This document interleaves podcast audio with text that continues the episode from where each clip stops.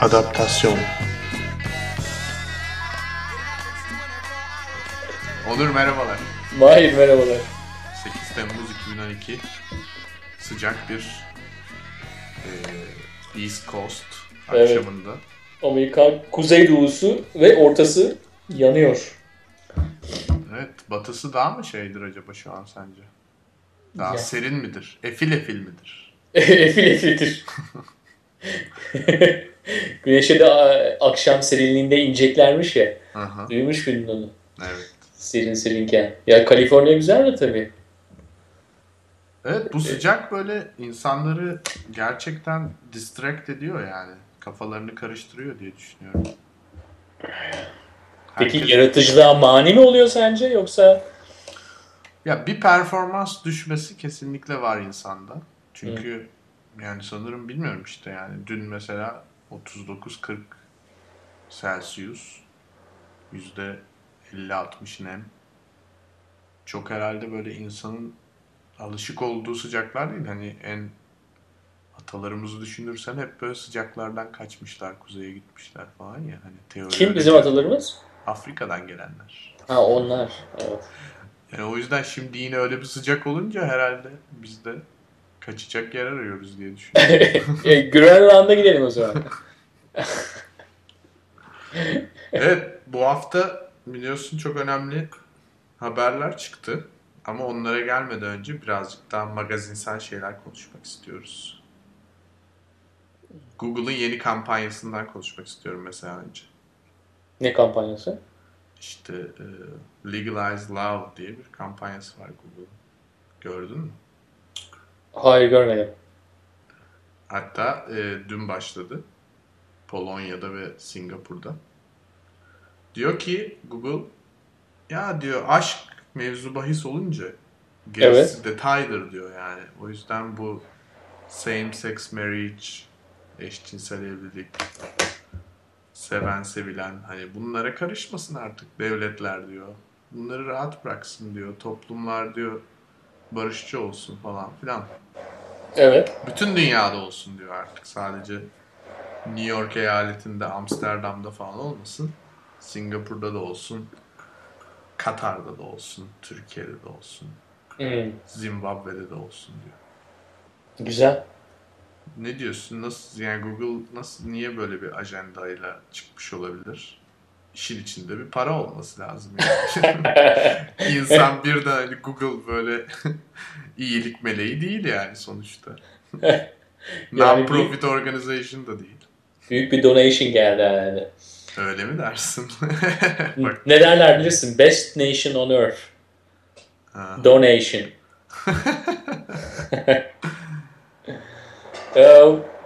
Yani, ilginç bir adım. Demek ki yani artık bu sivil toplum örgü- örgütü gibi bir pozisyon oluyor herhalde. Yani, kar amacı güden işletmelerin yani bu tür e, global bir şekilde, küresel bir şekilde bu tür mesajlara gitmesi esas da hani risk algılanması olarak baktığın zaman riskli bir şey değil mi? Sen şimdi Singapur gibi biliyorsun Singapur'da yani ilginç bir e, etnik popülasyon var işte. Yani Çinliler, Müslümanlar, değil mi? Göçmenler. Kozmopolit oldukça.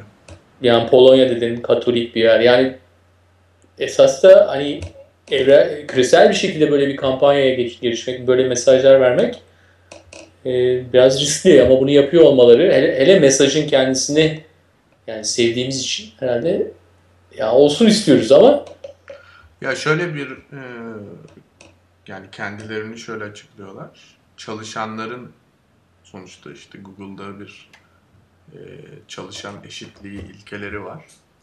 Transgender de olsa ya da eşcinsel de olsa eşit muamele gördüğü işte kesinlikle bir ayrımcılığın söz konusu olmadığı ve bu birçok dünyada birçok ofisi olduğu için Google'ın bu ofislerde olan ve de cinsiyet ayrımcılığına maruz kalan çalışanlarını da özellikle korumak adına dünyada böyle bir kampanya yapmak istediğini e, söylüyor Google. güzel. Bu kadar ilerlemiş olabilir mi sence? Private sektör çalışanların haklarını kurmak için devletlere baskı demeyelim de böyle bir kampanya başlatacak kadar. E, Google kendini bu seviyede görüyor olabilir açıkçası. Bana çok şey gelmiyor. Tabii yapacaksa tabii o şirketin yapması normal. Yani herhalde e, neyse şimdi başka bir markayı harcamayayım yani arada. Başka bir örnek verecektim ama. çok çok şey bir günümdeyim. E, barışçıl, diyalog yanlısı. Yani belki bir gün Türkiye'deki şirketler de başlar böyle şeyler demeye. Evet. Biraz parayla ilgili ya her şey. Bu e, biliyorsun Friedman, Milton Friedman e, herhalde Amerikan Chicago ekonomi ekonomisinin en büyük adamlarından biri değil mi? Milton Friedman. Evet de anlamadım. Neden onu... Şunu Evet. demek istiyorum. E, Friedman'ın bir quotation'ı vardı. Geçen gün denk geldim de yine. Yani biliyorsun çok birçok konuda sarf ettiği laflar var da. E, insanların politik görüşlerinden çok ekonomik e, çıkarlarının ön planda olduğunu söylüyor. Tam quotation'ı çeviremedim şu anda ama. Demek istediğim şey şu yani aslında belli bir ekonomik düzen, refah sağlandıktan sonra bu tip konulara gelebiliyor yani şirketler. Ha şey gibi böyle. Türkiye'de de olabilir dedin ya. Hani onun olması Anladım için anladım. Ya bir Maslow'un skalasında gibi. Önce Evet. hani bir refah olması. revah evet gece konulardan hani daha evlerimiz güzelleşsin. İşte zamanla başka Maslow'un şeylere doğru gidiyor. Yani Önce plazma TV diyorum olur. önce Plazo TV. Evet. Ne? Yani ben e, esas da bu eğrinin yani hep böyle devam etmesi gerekip gerekmediği konusunda biraz muallaktayım. Yani, yani şu an düşünce devam etmemeli. Yani bunu hani böyle e, o, öyle olsun diye söylemiyorum. Genelde E, öyle a- olmuş. evet, evet. Ya Batı genelde öyle yaptı esasında. Yani Batı işte endüstriyel devrim ondan sonra biraz materyal materyal üzerine iki şey devam edip iki yüzyıl. Şimdi dünyanın bir şekilde bu konulardaki e, düşünsel alanda hegemonyayı hala devam ettiriyorlar farkındaysan. Yani mal hizmetler e, konusunda belki iktidarlarını yavaş yavaş işte Asya'ya kaptırıyorlar ama e, bu tür ajandaları bile bel- belirlemede hala Amerika'nın gücü devam edecek. E, sen dediğin zaman yani Google böyle bir şey yaptı dediğin zaman esasında buna makro çerçevede baktığımız zaman da şey görüyoruz. Senin diğer ülkelerden ne farkın var? Yanlış şirket olarak değil, ülke olarak diğer ülkelerden ne farkın var? Bu tür fikirleri, düşünceleri dünyaya yaymak için hala çok güçlü bir memleketten bahsediyoruz. Yani burası öyle. Yani Çin'den kaç tane modern felsefeci çıkıyor diye desen mesela sana. O kadar gücü, ekonomik gücü olan, politik gücü, Nüfusu olan. Evet askeri gücü olan bir ülkede hala bu konulardaki iktidar e, bu tarafta. E, ama bazı anlamlarda da yani Sezar'ın hakkı Sezar yani sonuçta. E, Obama da geçen gün farkındaysan yani bu bir seçim senesi olduğu halde 2012 e, eşcinsellerin evlen, evlenmesi konusunda gayet e, açık bir beyanat verdi. O da riskli bir davranış ama onu yapabiliyor. Hı hı. Ya bunun e, yapılabilmesi tabii e, bir ölçüt esasında değil mi? Evet. Ama Jay-Z sonra onayladı o yüzden konuşmuştur diye düşünüyorum. Önce Jay-Z'ye sormuştur hatta. Kesinlikle Yani yani. Jay-Z de şeye sormuştur hayır. Beyoncé'ye sormuştur biliyorsun. Evin evin reisi Beyoncé midir diyorsun? E tabii.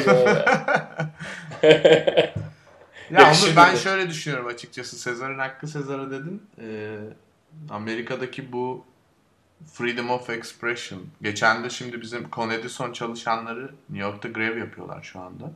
Hala devam edecek mi bilmiyorum ama son bir haftadır falan. Bizim de e, Con Edison binası var Brooklyn'de büyük.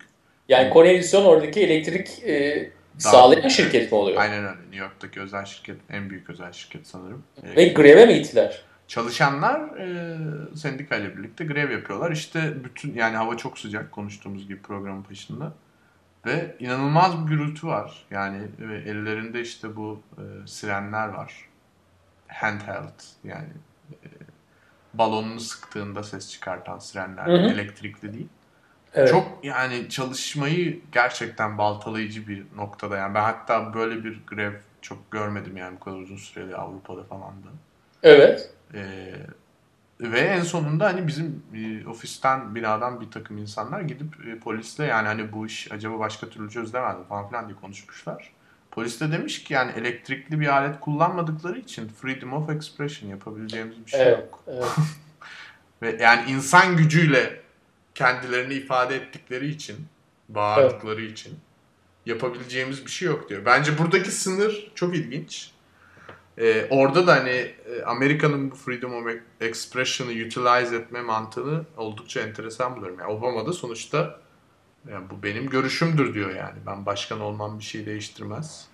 Benim insani olarak görüşüm budur diyor yani. Same sex marriage için olmasıdır diyor. Tabii ki yani hayat o kadar naif değil. Yani sen sonuçta başkan olarak bunu söylüyorsun.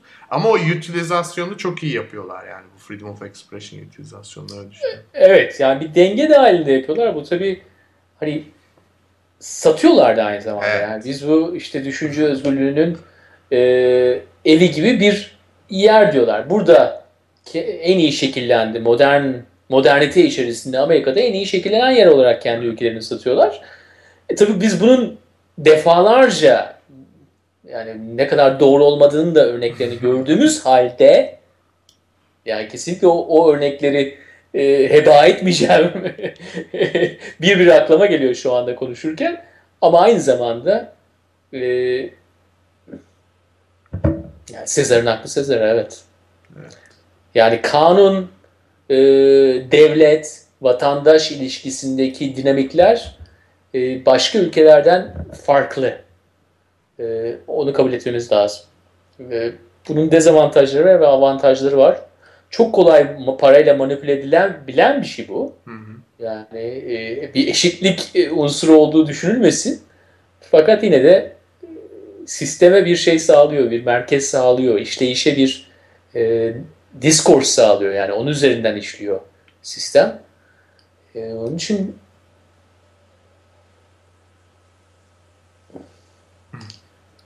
yapacaksa Google yapacak bunu tabii. Evet. Diyorum. Netflix ile ilgili iki tane haber çıkmıştı geçen hafta. Bir tanesi e, Netflix'in CEO'su Reed Hastings. Yani kendisi de oldukça tartışmalı bir karakterdir biliyorsun iş hayatında. E, diyor ki Netflix tüketicileri, müşterileri 1 milyar saatlik video izlemişler geçtiğimiz ayda. Yani Evet, bir ayda. Evet. yani Haziran 2012'de 1 Evet. milyar saatlik video stream edilmiş Netflix Evet. üzerinde. Dünyadaki en büyük network'ten herhalde daha fazladır. Yani e, inanılmaz bir rakam bilmiyorum. Bir Herhangi bir televizyon kanalında dünyadaki çok daha fazla içerik sağlayıcı tabii orijinal içerikten bahsetmiyoruz ama müthiş bir şey. Evet. Medya imparatorluğuna dönüşüyor yani. Sonuçta şey- fakat biliyorsun ya bu konular biraz ya bu şirketin yaptığı şey e, hep diğer stüdyoların e, okeyine kalmış bir şey. Yani onların içeriği sağlamadıkları zaman kontratları bittiği zaman da o filmleri koyamıyorlar. Netflix de ilginç bir şirket. E, filmlerin download edilmesini sağlıyor ama zaman zaman lisanslarının e, sözleşmeleri bitiyor. Yani herhalde bunu yıllık sözleşmelere imzalıyorlar Hı hı. diyelim işte Universal Stüdyosu'nun e, son 40 yılda işte yaptığı filmlerin bir yıllık sözleşmesini veriyorlar. Sonra o tekrar renegotiation'dan geçiyor. Yani tekrar bir e, uzlaşma içerisinde tekrar bir fiyat belirleniyor. Ve Netflix ne kadar popülerleşirse diğer stüdyoların içerik sağlaması için Netflix'e e, verdikleri filmlerin de fiyatı artıyor. Hı hı. Çünkü diyor ki sen çok para kazanıyorsun. Ee, e, bize daha fazla büyük bir pay ver diyorlar. Netflix'in de orada eli çok güçlü değil. Ee, çünkü diğer şirketlere de bunu verebilirler. Amazon'a verilebilir aynı hakkı Hı hı. stüdyolar. Apple'a verebilir. Apple'a verebilirler. Veriyorlar da zaten. Hı hı. Yani sonuçta hani birine verdikleri zaman da exclusive değil. Yalnızca ona vermiş de olmuyorlar. Diğer şirketler de bunu e, sahip olabiliyor. Çünkü sonuçta streaming olan bir şeyden bahsediyoruz. E, o, ya, ama bunları söylediğim halde gerçekten büyük bir güç. Evet. Yani dünyanın en büyük içerik sağlayıcısısın. Hani orijinal değil ama sonuçta onun bir, en büyük aracısısın. E, bu güçle ne yapar Netflix? Onların vizyonunda kalmış. Yani o vizyon o şirkette var mı? E, yani şu ana kadar hani olmadığına dair bazı sinyaller aldık ama. Evet. Yani e, bu bu beyanatlardan sonra iş, işin ilginç tarafı bunu Facebook'ta paylaşıyor Hastings. Bundan sonra şirketin hisseleri %13 değer kazanmış. Evet. O Yani ilginç bir detay gerçekten. Borsaya bile verilmemiş bir bilgi aslında. Evet. Dedikodu gibi yani biraz. Evet. E, kaynağı da belirsiz. Sadece kaynağı kendisi yani başka bir Evet. bir şeye göstermiyor ve buna rağmen %13 bu ilginç yani bu bayağı ilginç. Yani Evet, Facebook'un tabii. aslında ne kadar artık e, gerçeği direkt olarak etkilediğinin bir kanıtı. İşin bir başka boyutu da Netflix bir dava kaybetti geçen hafta. E, davada şununla ilgili kullanıcıların bilgilerini kullanıcı hesapları kapandıktan sonra tutmayla ilgili. Şimdi tabii 1 milyar saatlik videonun izlenmesi demek. Burada çok ciddi bir data var. Metadata var. Yani kaç kullanıcısı var Netflix'in? Tahminim herhalde 100 milyonun üzerindedir. Bilmiyorum kesin olarak rakamı ama. Yani çok yüksek geldi ama yani, e, yani yüksek bir rakam. Evet. Evet, yani sanıyorum Evet. Meksika'da falan da var çünkü Netflix. Evet, Latin Amerika'ya gitti. İngiltere'de var. Evet. Ee, ya bu, bu insanlar neyi izliyorlar? Hangi saatte izliyorlar? Nasıl bir rating veriyorlar? Ee, sadece yani ben aklıma gelen şeyleri sa- sayıyorum hani nasıl bir data tutulabildiğini. Ee, recommend edilen videoları izliyorlar mı? İzliyorlarsa hangisini izliyorlar? Efendime söyleyeyim ha- haftada kaç saat izliyorlar? Ne kadar yoğunlukla izliyorlar? Bu iz- izleyenler kimler? Aile mi? Single mı? Kaç yaşında? Nerede oturuyor? Income'ı ne? Bunların hepsinin datası var sonuçta Facebook'ta paralel olarak. Şey Netflix. Netflix. Peki ya bu dediğin e, Datayı- bu sanıyorum Hı hı. bizde bayağı tekrarlanan bir tema. E, Birçok şirket e, işlevi nedeniyle bu tür dataya sahip değil mi? Evet ama Netflix'in yaptığı şey şuymuş. e, Zaten mahkeme kararıyla zaten e, mahkum oldu yani. Bunu yapmamaya mahkum edildi. İki sene boyunca tutabiliyormuş bunu. Yani ben hesabımı kapattım. Mesela şu, ne bileyim trial period yani deneme süresi aldın 30 gün. Bir para da ödemedin. İzledin izledin. Sonra dedin ki yok ya ben beğenmedim Netflix istemiyorum falan. Netflix bu datayı kredi kartı numaran dahil olmak üzere 2 sene boyunca tutuyor. Yani bu tabii ilginç bir şey çünkü niye tutuyor? Yani hani bu geçen programda da konuştuğumuz bu datanın, kişisel datanın herkesin artık oyuncağı olmuş olması durumu birazcık e, ya bir çeki düzen ver- verilmesi gerekiyor gerçekten bu işe artık.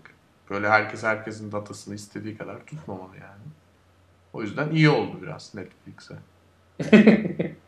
Yani bir yandan alırken bir yandan e, verdi Allah. O yüzden hem güldürdü hem düşündürdü. Diyorsun evet. Çok güzel oldu bu. Kara mizah gibi.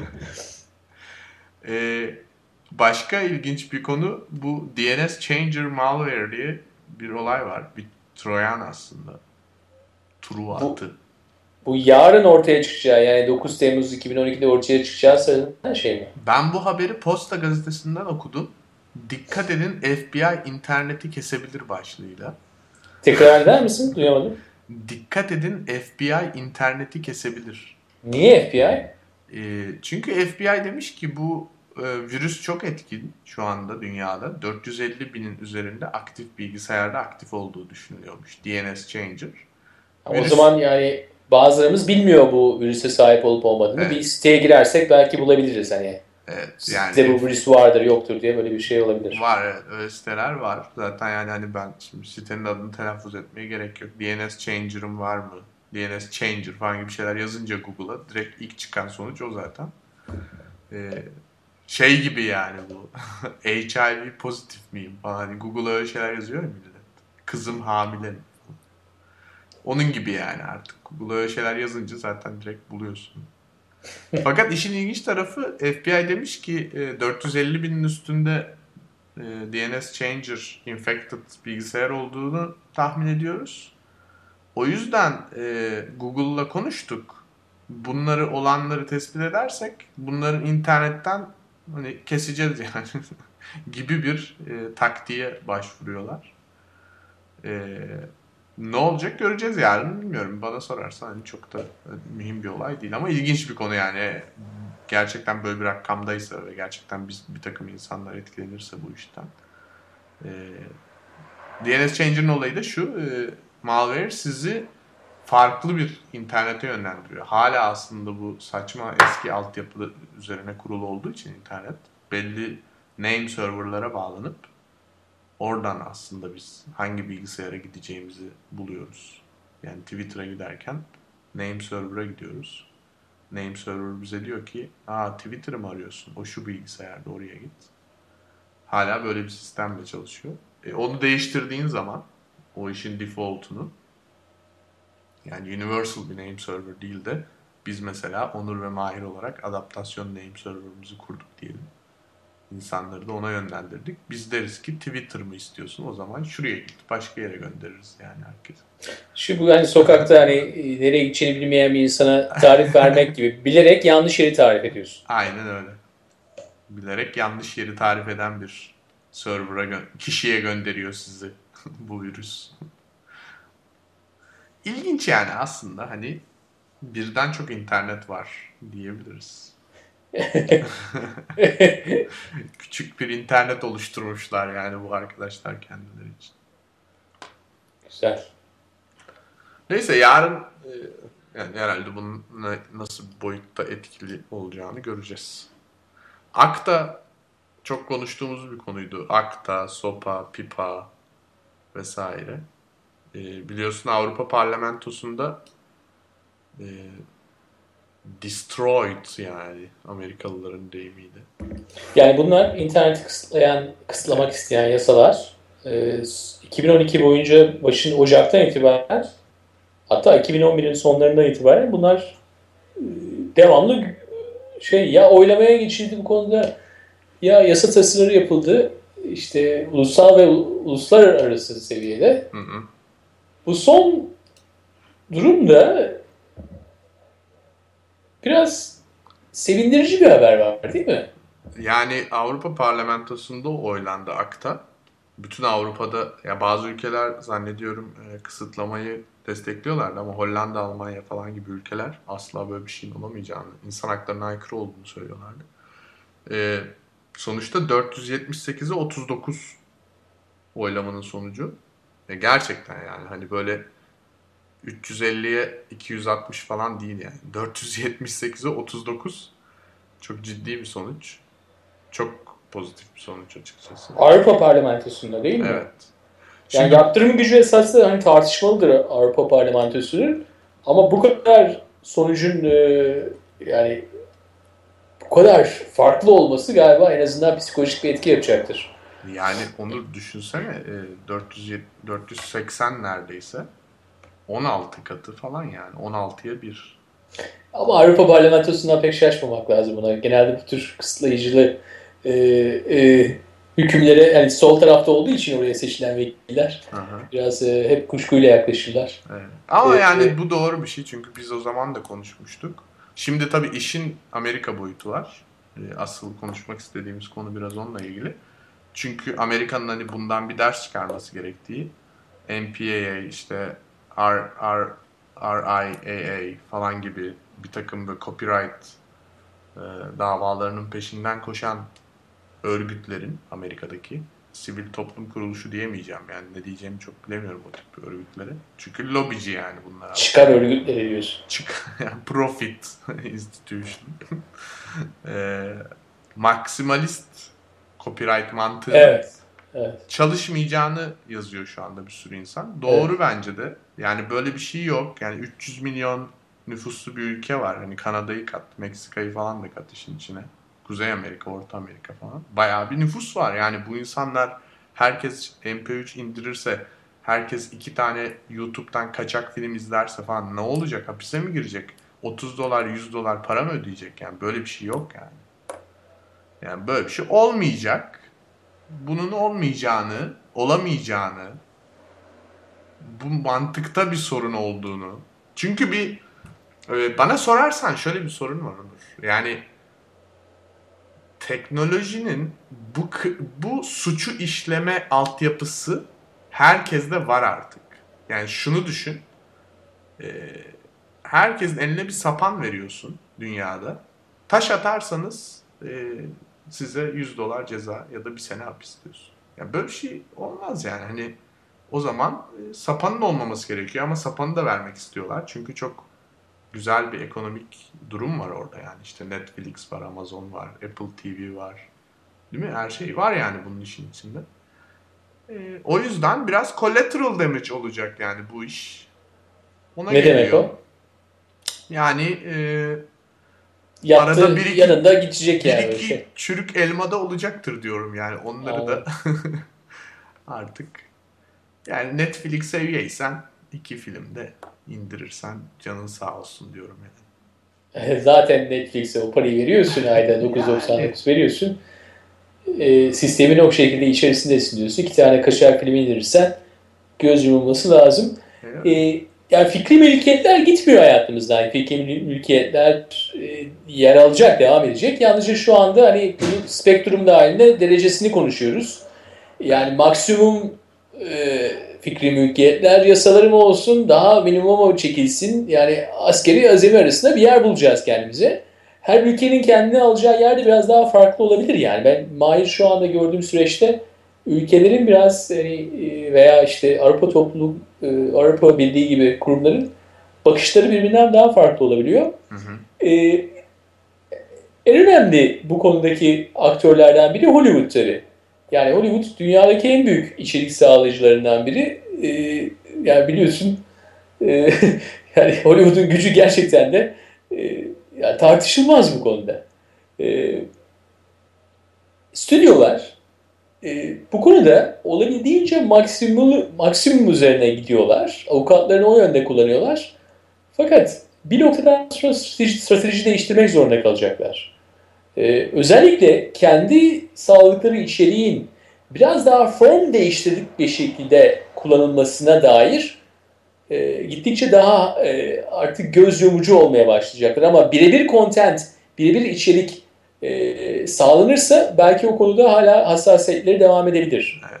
E, aradaki farkı anlatabildim değil mi? Evet kesinlikle. E, şöyle bir konjonktür değişimi var şu anda. Şimdi ben Netflix'ten Netflix ya da herhangi bir video sağlayıcı servise üyeliğim var. Tamam Ayda 8, 9, 10 dolar değil mi? Hiçbir şey yani neredeyse. Bunun parasını ödüyorum. Ben aslında virtual olarak, sanal olarak o sitenin bana sağladığı bütün videoları izleme hakkına sahip bir birey şu anda ekonomik sistem içerisinde. Benim gidip bunu internetten aynı filmi ya da aynı diziyi daha kaliteli bir şekilde ya da daha kalitesiz bir şekilde istediğim herhangi bir şekilde indirmem bir suç olamaz. Yani bana bana sorarsan hukuki olarak burada bir suç söz konusu olamaz. Çünkü zaten sana olan bir fikrin hakkının parasını ödemişim ben yani daha önceden. Bence burada büyük bir clash var. Yani maksimalist mantıkta copyright e, fetişizminde böyle bir sorun var. Çünkü şu anda yapmaya çalıştıkları şey bu sopa, pipa, akta benzeri şeyler benim yani bütün e, kullanıcı olarak, tüketici olarak aldığım iPod'uma çektiğim vesaire falan her şeyi bir kenara koyuyor. E, bütün satın aldığım lisans mantığını.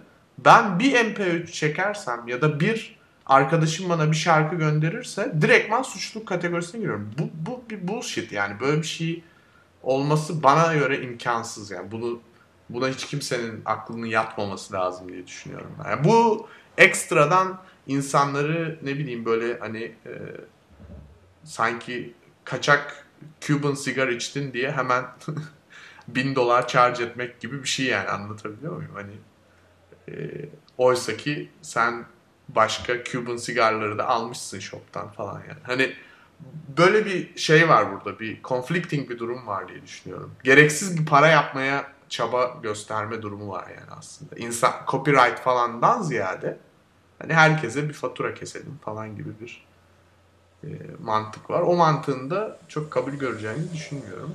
Avrupa Parlamentosu'ndaki karar da çok iyi oldu diye düşünüyorum. Yani sonuçta dünyada içerik sağlayıcıları arttıkça e, biraz daha konudaki e, tekelleşme kırılacaktır.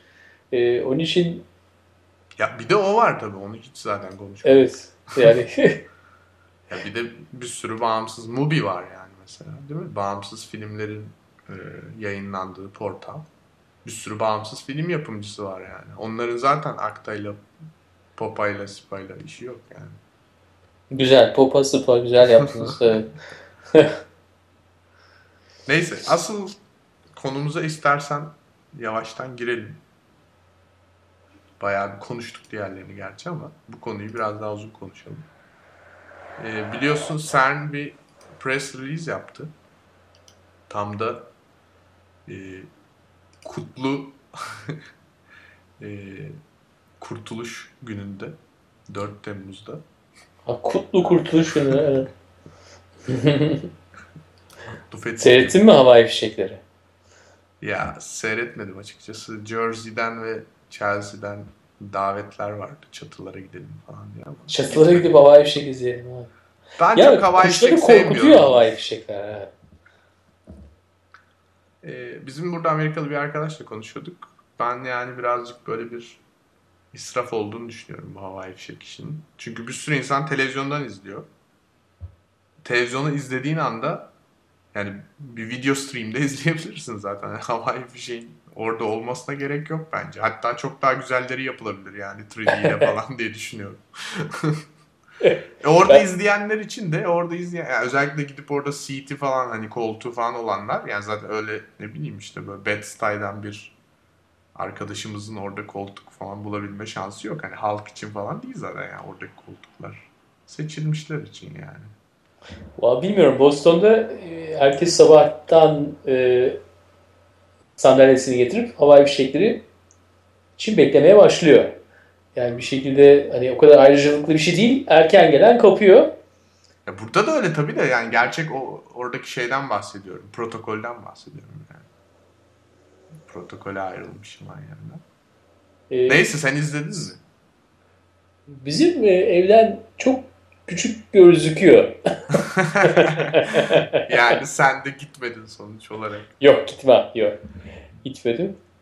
E, benim bayramım değil. Onun için kutlama gereği bulmadım. E, benim olan bayramları kutlama e, hassasiyetim vardır. Benim çok kutladığım bir bayram yok açıkçası hayatta. Kendi kişisel bayramlarım var. Öyle genel takvimlerde yer almayan.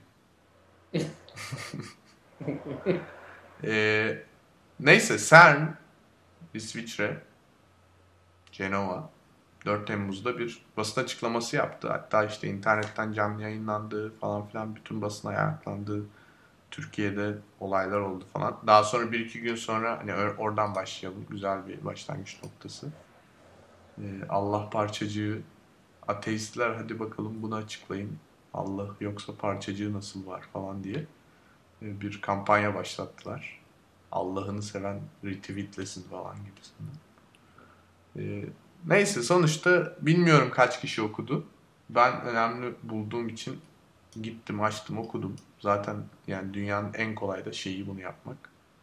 Ee, CERN'in kendi sitesinde ne olduğuna dair güzel bir press release var. Oldukça da kısa.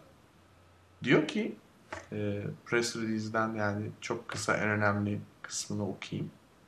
We stated last year that in 2012 we would either find a new Higgs-like particle or exclude the existence of the standard model Higgs.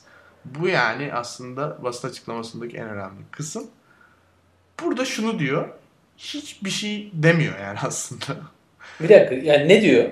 Diyor ki bir parçacık e, Higgs parçacığına benzer bir parçacık veya standart Higgs modelin varlığına dair e, bir nokta bulundu. Yani bu- bunun ve devamında zaten açıklamasında diyor ki The discovery of a particle consistent with the Higgs boson opens the way to more detailed studies requiring larger statistics, which will pin down the new particle's properties and is likely to shed light on other mysteries of our universe.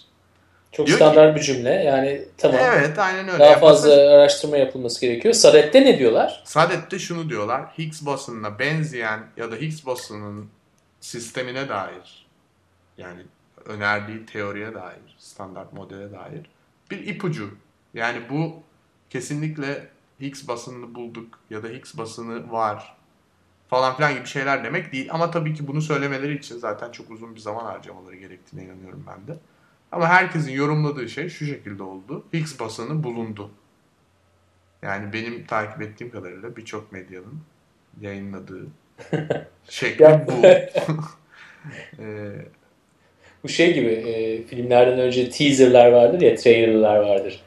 İşte yakında sinemalarda. Değil mi?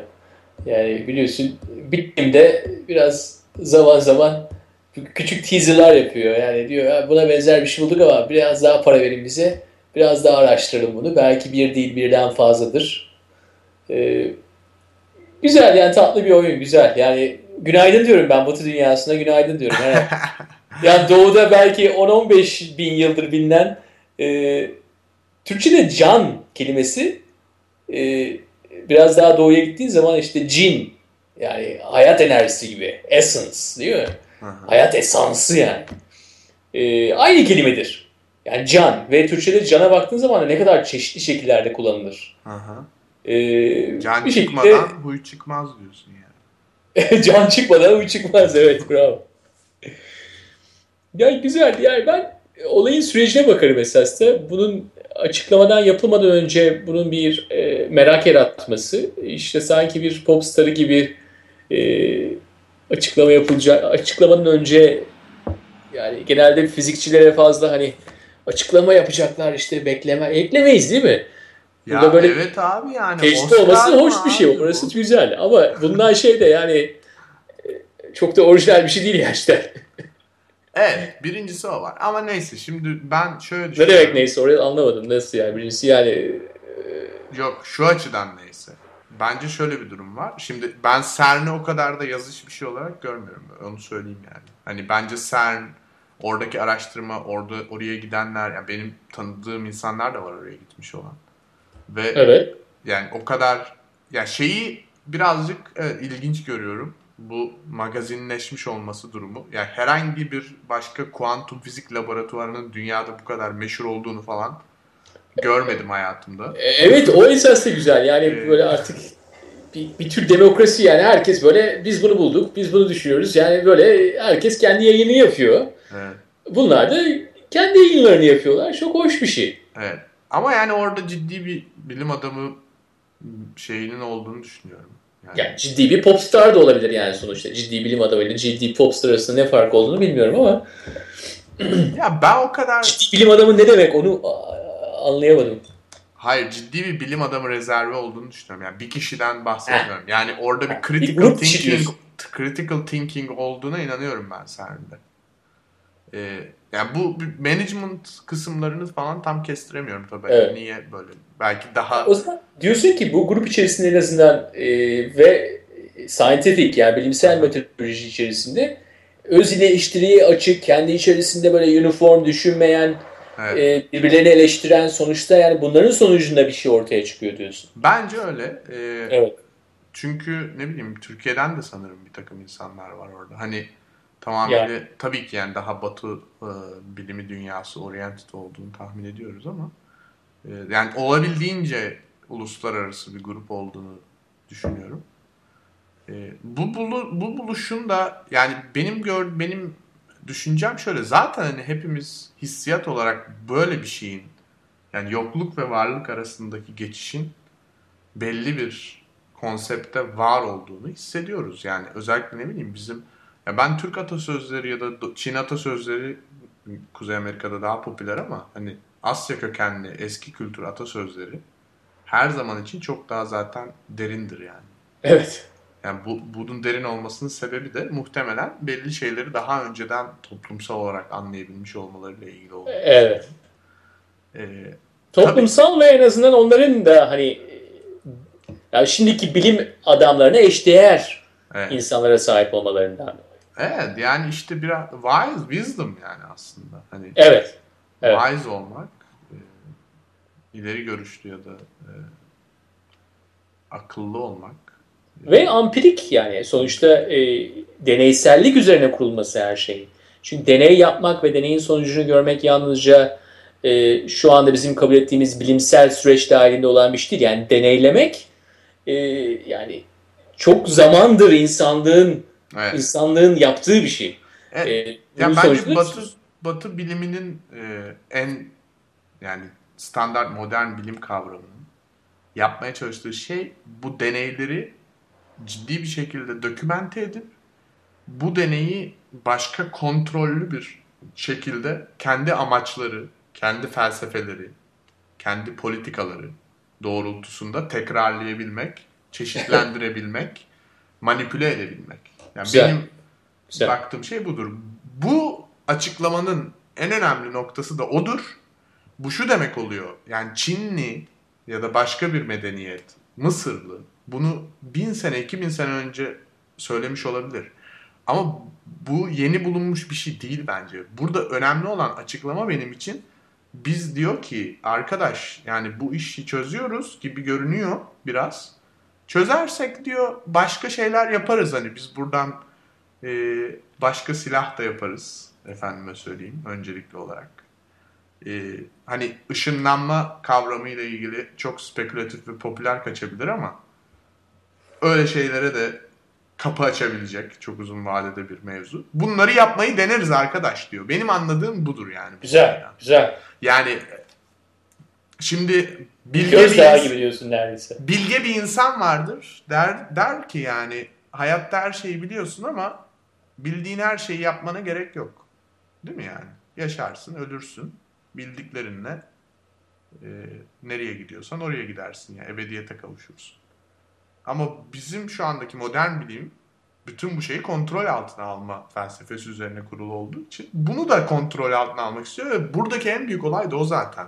Ya bunu alabilirse çok büyük bir kendisi için, bütün insanlık için değil, kendi Evet. mantığında çok büyük bir adım atlamış olacak.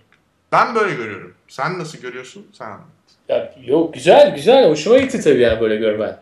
Yani sonuçta e, yepyeni bir şey bulunuyor olarak bakmaman, bunun politik bir süreç olduğunu e, savunman, bunun aynı zamanda bir şekilde dünyaya verilmiş bir mesaj olduğunu söylemen, evrensellik içerisinde değerlendirilmemesi gerektiğini e, söylemen de hoşuma gidiyor tabii. Yani sonuçta bunlara e, katılmamam mümkün değil. E, Yani Onur diyebilir misin ki Celalettin Rumi Higgs basından habersiz bir hayat yaşadı ve öldü? diyemem. Hayır. işte tam beklediğim cevap buydu ya. Okuduğum kadarıyla, benim hissettiğim kadarıyla böyle bir şey mümkün değil. Ondan öncekiler de biliyordu ya. Oradan da birkaç isim verebiliriz. Ama onun Bize yakın amacı- veya uzak ama yani sonuçta onların tarihlerinin e, bize okutulmadığı bir dönemde yaşıyoruz. Yani farkındaysan biraz e, son 300 yılda olanlar biraz fazla önemseniyor. E, ondan öncekileri belki zamanda geride kaldıkları için mi, belki başka medeniyetlerden çıktıkları için mi? Genelde eğitim sistemimize, metodolojimize çok rahat rahat sokmuyoruz. Ama senin bunların bir politik bir süreç olduğunu söylemen ve tamamen manipülasyon amacı olduğuyla söylemen e, tabii ki benim de kabul ettiğim durumlar. Onurcuğum bunu zaten ben değil aslında onlar söylüyor. Yani e, bunun yani bunu yani niye hani tamam böyle bir şey olduğunu bulduk değil mi diyelim ki. Mesela Celalettin Rumi de bundan bahsediyordu belli bir noktada. Onun e, yüzlerce e, uzunlukta yani metre uzunluğunda ya da işte ne bileyim kaç 125 GeV denilen bir birim var yani. Ben sonuçta bir e, kuantum fizik uzmanı değilim ama CERN'deki infrastructure'ın çok ciddi bir infrastructure olduğunu hepimiz biliyoruz. Yani Rumi ya da başka bir insan niye hayatını buna adayıp bunu kurmadı? Çünkü sadece amaç bulmak değil, bulduktan sonra manipüle edebilmek. Evet. O- onun infrastructure'ı o yani. E, orada yani bu çok net bence. Ama yani bakın, bakın burada yani şey yapmayalım. Yani kendimiz kendi kendimize burada hani bir tanesi masum, bir tanesi bunu kendi amaçları Ha, yok kullanıyor canım. diye bakmayalım. Hepsinde esas da bulup kendi amacı için kullanma her zaman var. Yani o, tarafı farklı. Ben yalnızca bunun yeni bir şey olmadığını, Aha. bunun e, o tarafının en azından biraz daha kabul edilmesini gerektiğini söylüyorum. Şimdi Tanrı parçacı olayına gelirsek de Yani farkındaysan bu bir pazarlama tekniği yani. Şimdi buna adına God's Park, God Particle demek, Tanrı parçası demek tamam bu pazarlamanın bir parçası. Ee, yani oradaki o kelimenin kullanılması Sosyal marketing yani. E tabii ki. Yani sonuçta Bütün Twitter pazar... kavruldu yani. Ateistiydi, Hristiyanıydı, Müslümanıydı. Ama oradaki tanımlama başka bir şekilde yapılsa yani Tanrı parçacı yerine başka bir şey denilse Aha. bu tartışmalar olmayacaktı. Ama bu tür tartışmaların olması esas da bu e, CERN'in manipülasyon gücünü artıran bir şey. Yani Twitter'daki işte bilmem e, Tanrı'nın ateistler anlasın da yani bunların hepsi esas da CERN'in gücünün artmasının küçük bir belirtisi değil mi? E, onun için bu pazarlama taktiklerinde bunun içerisinde olmasını en azından hani toplumu dekodify eden, kollarını e, biraz afiş eden insanlar olarak bunu söylememiz gerekiyor. Yoksa yani bilimle ya çok süper bir şey bak bir şey de buldular acaba bundan sonra ne yapacaklar? Ya bunu adamlar da yapıyor bundan sonra da yani bu değil olay yani sonuçta tamamen e, tüm sürecin bence bir göz önüne, önüne alınması lazım. E, bunu söylemem nedeni de yani bu taraflarının çok fazla söylendiğini görmüyorum. Yani çünkü e, tabii ya şu anda Onur genel olarak zaten bütün bu e, hyper communication çağında detayların evet. detayların kaçırılması bilerek ya da bilmeyerek bir kısım insan için farkında bile olmayarak ama belki de bilgiyi verenler için özellikle kasten ee, çok bana artık sıradan bir olaymış gibi geliyor. Yani ben gerçekten şu basın açıklamasını CERN'in yani sitesinde olan yani gidip Los Angeles Times'tan, CNN Türk'ten, Posta.com.tr'den falan değil de adamlar yazmış ya çünkü bulan herif yani ben onu okumak istiyorum. Başka birinin bana hikaye anlatmasını istemiyorum yani. Hayır o da zaten bir hikaye ama. Yani o tarafını da görmemiz lazım. Orijinaline evet. gitmiş olman senin oradaki o CERN'in sitesine gitmiş olman da hikayenin en özüne indiği anlamına gelmiyor. Gelmiyor ama en azından biriyle yüz yüze konuştuğunda onun nasıl bir sana bir şey anlattığına dair daha net bir fikrin olur. Onun gibi bir şey yani. Sonuçta tabii ki yani, yani behind the scenes arıyorsak o zaten başka bir yerde yani. O daha da off bir yerde muhtemelen. Ama en azından hani yani oralara gelebilmek oldukça zorlaştı yani şu anda ve e, yani ben çok şaşırmadım tabii yani takip ettim bütün bu devamında olan şeyleri ama e, ne yazık ki detaylar tamamıyla e, ortadan kayboluyor giderek. Her gün yeni büyük bir haber çıkıyor. Yani haftada bir tane bir şey çıkıyor yani. Düşünsene biz de programda neler konuşuyoruz yani. Şöyle olacak böyle olacak falan. E, detayların birazcık daha hasır altı edildiği bir dönemde yaşıyoruz. Ama bu tip bu kadar büyük çaplı ve bu kadar hani bütün dünyayı değiştirecek evrenin sırları açıklanıyor falan filan gibi büyük bir noktaya taşınacak bir şeyin artık hani bence insanların birazcık oturup da iki dizi izlerken arada okuması gerektiğini düşünüyorum yani eğer bu kadar evrenin sırları açıklanıyor falan. Bu da yani bu kadar da televole değil yani hayat anlatabiliyor muyum? Birazcık daha artık herkesin özen göstermesi yani niye öyle bir insanlara karşı böyle bir mühendislik, toplum mühendisi yapıyorsun onu anlamak benim için zor. Ee, insanların davranışlarında e, dikkatlerini cezbeden çok çeşitli kaynaklar var. Ama sonuçta baktıkları şey bunu hayatıma ne kadar entegre edebilirim veya edemeyelim, edemeyelim. Yani sonuçta bilgiyi alıp eğer bunu kullanmayacaksan sana olan değeri nedir diye demek istiyorum. Ee, onun için de ben insanların neyi alıp neyi alamayacaklarına pek karar veremem.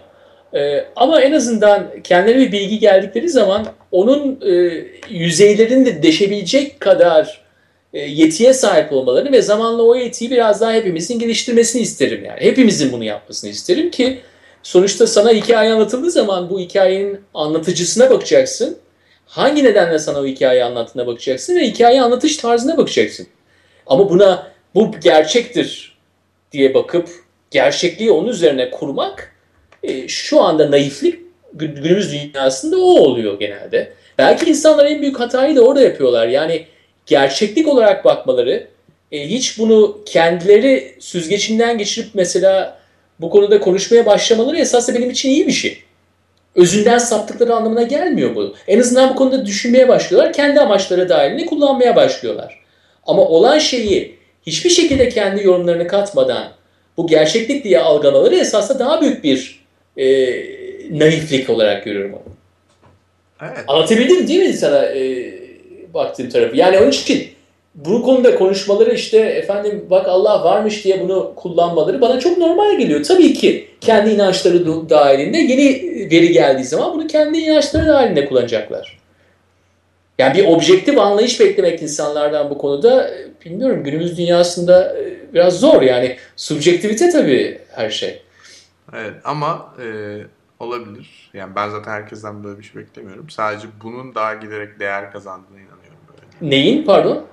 E, böyle bir bilgi sahibi olmanın, gerçekten detayları atlamamanın, kimin neyi, yani aynı meseleyi, yani biri çıkıp bana diyorsa ki evrenin sırlarını çözecek bir şey bulundu, onu o hikayeyi 50 farklı şekilde dinlemek isterim ben. Anlatabiliyor muyum? Yani benim bakış açım onu söylüyor bana. Hem önce o onu yazandan okurum gidip. Ondan sonra başka anlatanlardan dinlerim. Hepsini dinlerim yani. ya o zaman bu neye gider biliyor musun? O kadar e, en büyük bir şeyi yaparsan, önermeye getirirsen, en inanılmamayacak önermeye getirirsen ona en fazla e, önem verilmesi gerektiği gibi bir şeydir. Ama onu... Yani ona 50 yönden bakacaksın mesela. Evet ama şöyle bir şey de yok şimdi canım. Yani sen de yani böyle e, Kim Kardashian'ın kurduğu bir charity değil yani abi. Bravo, hoş, çok yani. güzel hocam, Biraz bravo. dikkate alıyorum yani. Bravo. Evet. Diyorsun ki Ya bak diyor ki 500 500 collaborators from 20 countries representing 100 universities experimenting 24 hours a day with a 4 mile circular tunnel underground at Fermilab. Yani burada ciddi bir ya bu bir iddiadır, bu bir statement'tır yani anlatabiliyor muyum? O- Bu adamın söylediği şeyi okurum. Ha, yani şu beni burada en büyük şey yapan şey birincisi zaten konuştuğumuz yeni olup olmama meselesi. İkincisi de yani bu böyle şey değil. Ee, ünlüler Bodrum'a tatile gitti haberinden sonra evrenin de %96 bilinmeyen sırrı çözülmek üzere falan gibi. Hani öyle bir haber değil yani. Anlatabiliyor muyum? Bu işler o kadar çocuk oyuncağı değil yani bence. Onu demek istiyorum ben. Anlıyorum ama seninle aynı fikirde değilim. Yani ben buna e, bilgi tüketimi olarak bakıyorum. Hı. E, bir bilgi yaratılması olarak hani Kim Kardashian'ların şovuyla burada bir farklılık olduğunu hani tamam amenna haklısın. E, ama Bu bunun tüketilmesi mi? anlamında bir tanesine daha önem vermeliyiz, bir tanesine daha önemsiz olduğuna orasına katılıyorum. Çünkü insanların onu hayata ne kadar entegre edeceğiyle e, değerlendirilmesi gerektiğini düşünüyorum. e, onun için e, yani senin için böyle bir önem sırası olabilir ama başka insanlara bu önem sırasının e, herkes için öyle olmak zorunda değil. Benim için değil mesela. E, ben Kim Kardashian'ların şovunu çok seviyorum. E, Kardashianlar Yalnız Amerika'dakiler bilmiyor biliyor musun? E, kardeşin yani kardeş değil mi? Siblings olduğunu bilmiyorlar. Kardashian da oradan geliyor değil mi? Evet kardeş hatta işte. Evet. Yani kardeş diye bir lehçesi de var ya kardeşin. Karındaş. Yalnız Mahir seni kutlamak istiyorum. Çok güzel bir örnek verdin. Yani Kardashian'ları buraya getirerek e, yani neredeyse Turnayı Ya. gözünden vurdun mu? ne- neredeyse evet pozisyonumdan biraz daha şey e, Yanlış anlaşılmasın. Ben hani herkes benim düşündüğüm gibi düşünmek zorunda demiyorum yani. tabii anladım. Ama yani şu an o kadar fazla şey oluyor ki her hafta, her gün. Her baktığım, her ilgilenmek istediğim anda, yani o kanalımı her açtığım anda Evet. mutlaka dünyanın çok önemli bir haberi var artık. Yani çok önemli bir şey olmuş oluyor kesin. Ben haberlere bakmak istediğim anda muhteşem önemli bir şey var yani. Anlatabiliyor muyum?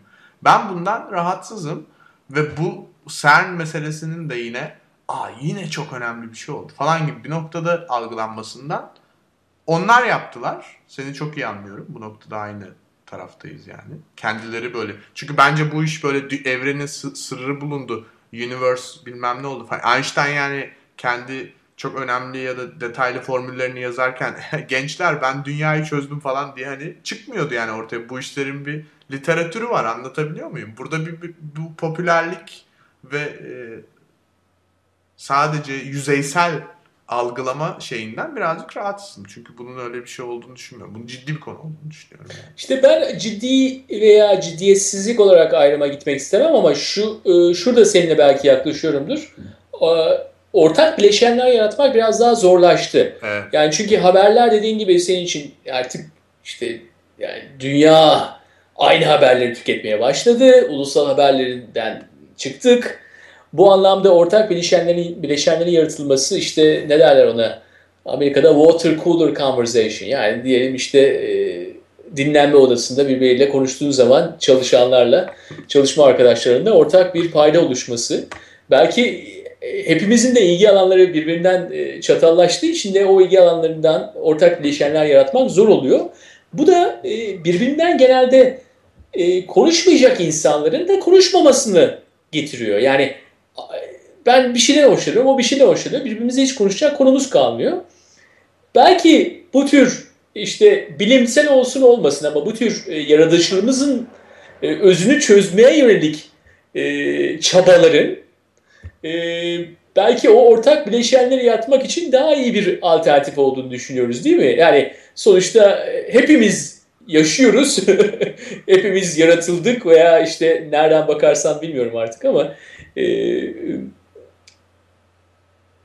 ortak bileşenimiz olması için de belki bu konular bizim için bir fırsat. Bunları da kaçırmayalım diyorsun. Bunları Aynen kaçırırsak o zaman bizi ne birleştirecek diyorsun diye anlıyorum ben. Yani bence şu konu gerçekten yani, ciddiye alınıp bir sürü farklı taraftan in, yani öyle şeyler olduğunu da görüyorum da hani ne yazık ki e, çok fazla şeye yayılmayacak, uzun vadeye yayılmayacağını da hissediyorum bu tartışmanın. Güzel bir mesele. Evet, pragmatik olarak da belli bir yere gelindi değil mi? Bunun kaydı yapıldı, datası alındı bilmem ne falan filan. Şimdi buradan güzel bir felsefe tartışması olabilir. İyi bir fırsat olduğunu düşünüyorum. Bir sürü farklı kültürlerle birlikte. Ee, böyle şeyler olması gereken bir konu olduğunu düşünüyorum. Öyle diyeyim yani. Neyse daha da fazla dallandırmayacağım konuyu ama ee, yani ya, böyle... Seda, evet. Ha? Anladığını tahmin ediyorum yani ne demek. Yok pozisyonunu anladım. Ama benim pozisyonunu anladığını e, düşünüyorum. Ya senin pozisyonunu zaten anlıyorum. Sen yani bunun böyle e, bağlamından kopuk bir şekilde objektif olarak değerlendirilemeyeceğini söylüyorsun. Evet. Zaten her şey için geçerli. E, galiba evet. evet. yani. Ama burada özellikle kullanıyorsun çünkü böyle CERN işte Batı'nın hani biz bir şeyler bulduk falan diye çıkmasından evet. dolayı şey oluyorsun yani. Hoş hoşlanmıyorsun bu durumda. E tabi hoşlanmıyorum çünkü sonuçta kandıracağın insan sayısı artıyor. e, o zaman da daha hoşlanmıyorsun tabi. Yani evet. sonuçta 3-5 kişiye yalan söylemek başka. yok o kadar götürmeyeyim, ileri götürmeyeyim. Yoksa e, yok. Yani sonuçta e, ne kadar toplumu deşifre etmemiz gerekirse e, ben bu gerekliliği galiba o, o şeyin gücüyle ölçüyorum. Yani e, gücü çok arttığı zaman insanlar bu güç altında ezilebiliyorlar. Onun için onun kollarının daha açıklanması orada daha zorlu bir hal alıyor. E, öyle bir önem sırası yaparım. Yani çünkü sonuçta e, dediğim gibi e, kolların çözülmesi lazım. Çözülmezse çünkü herkes bir hikaye anlatacak. O zaman kaç kişiye hikayeni satarsan e, kimse de buna hiçbir şekilde e, yani karşıt görüş belirtmezse o zaman bambaşka bir dünya oluşur. Ama en azından amacımızın bir tarafının da bence o kolların çözülmesinden gittiğini düşünüyorum. E, ikinci bir şey daha söyleyeceğim. Yani hayatım e, biraz bilim dünyasında geçtiği için de bilim adamlarının hangi yöntemlere başvurduklarını, hikayeleri nasıl anlattıkları ve bunun için bunun politik bir süreç olduğuna dair e, sayısız kadar sayısız örnekle karşılaştım. Yani belki de son 20 senedir yaptıklarım galiba bunlara e, beni biraz e, kelimesi nedir bilmiyorum Mahir ama. Soğuttu. Biraz bu konuda e gözlerim açıldı diyeyim. o zaman bir sonraki programda belki bu bilim dünyasını daha derinlemesine konuşuruz. Evet, dilimizin el verdiği kadar, elimizin el verdiği kadar. Ee, sevgiler ve saygılar Mahir'cim. Sevgiler. Sıcak bir Boston akşamından sana sevgiler ve saygılar. İnşallah daha da sıcak olmaz diyorum. İyi akşamlar. İnşallah. İyi akşamlar. Esenlikler dilerim sana. Esenlikler dilerim.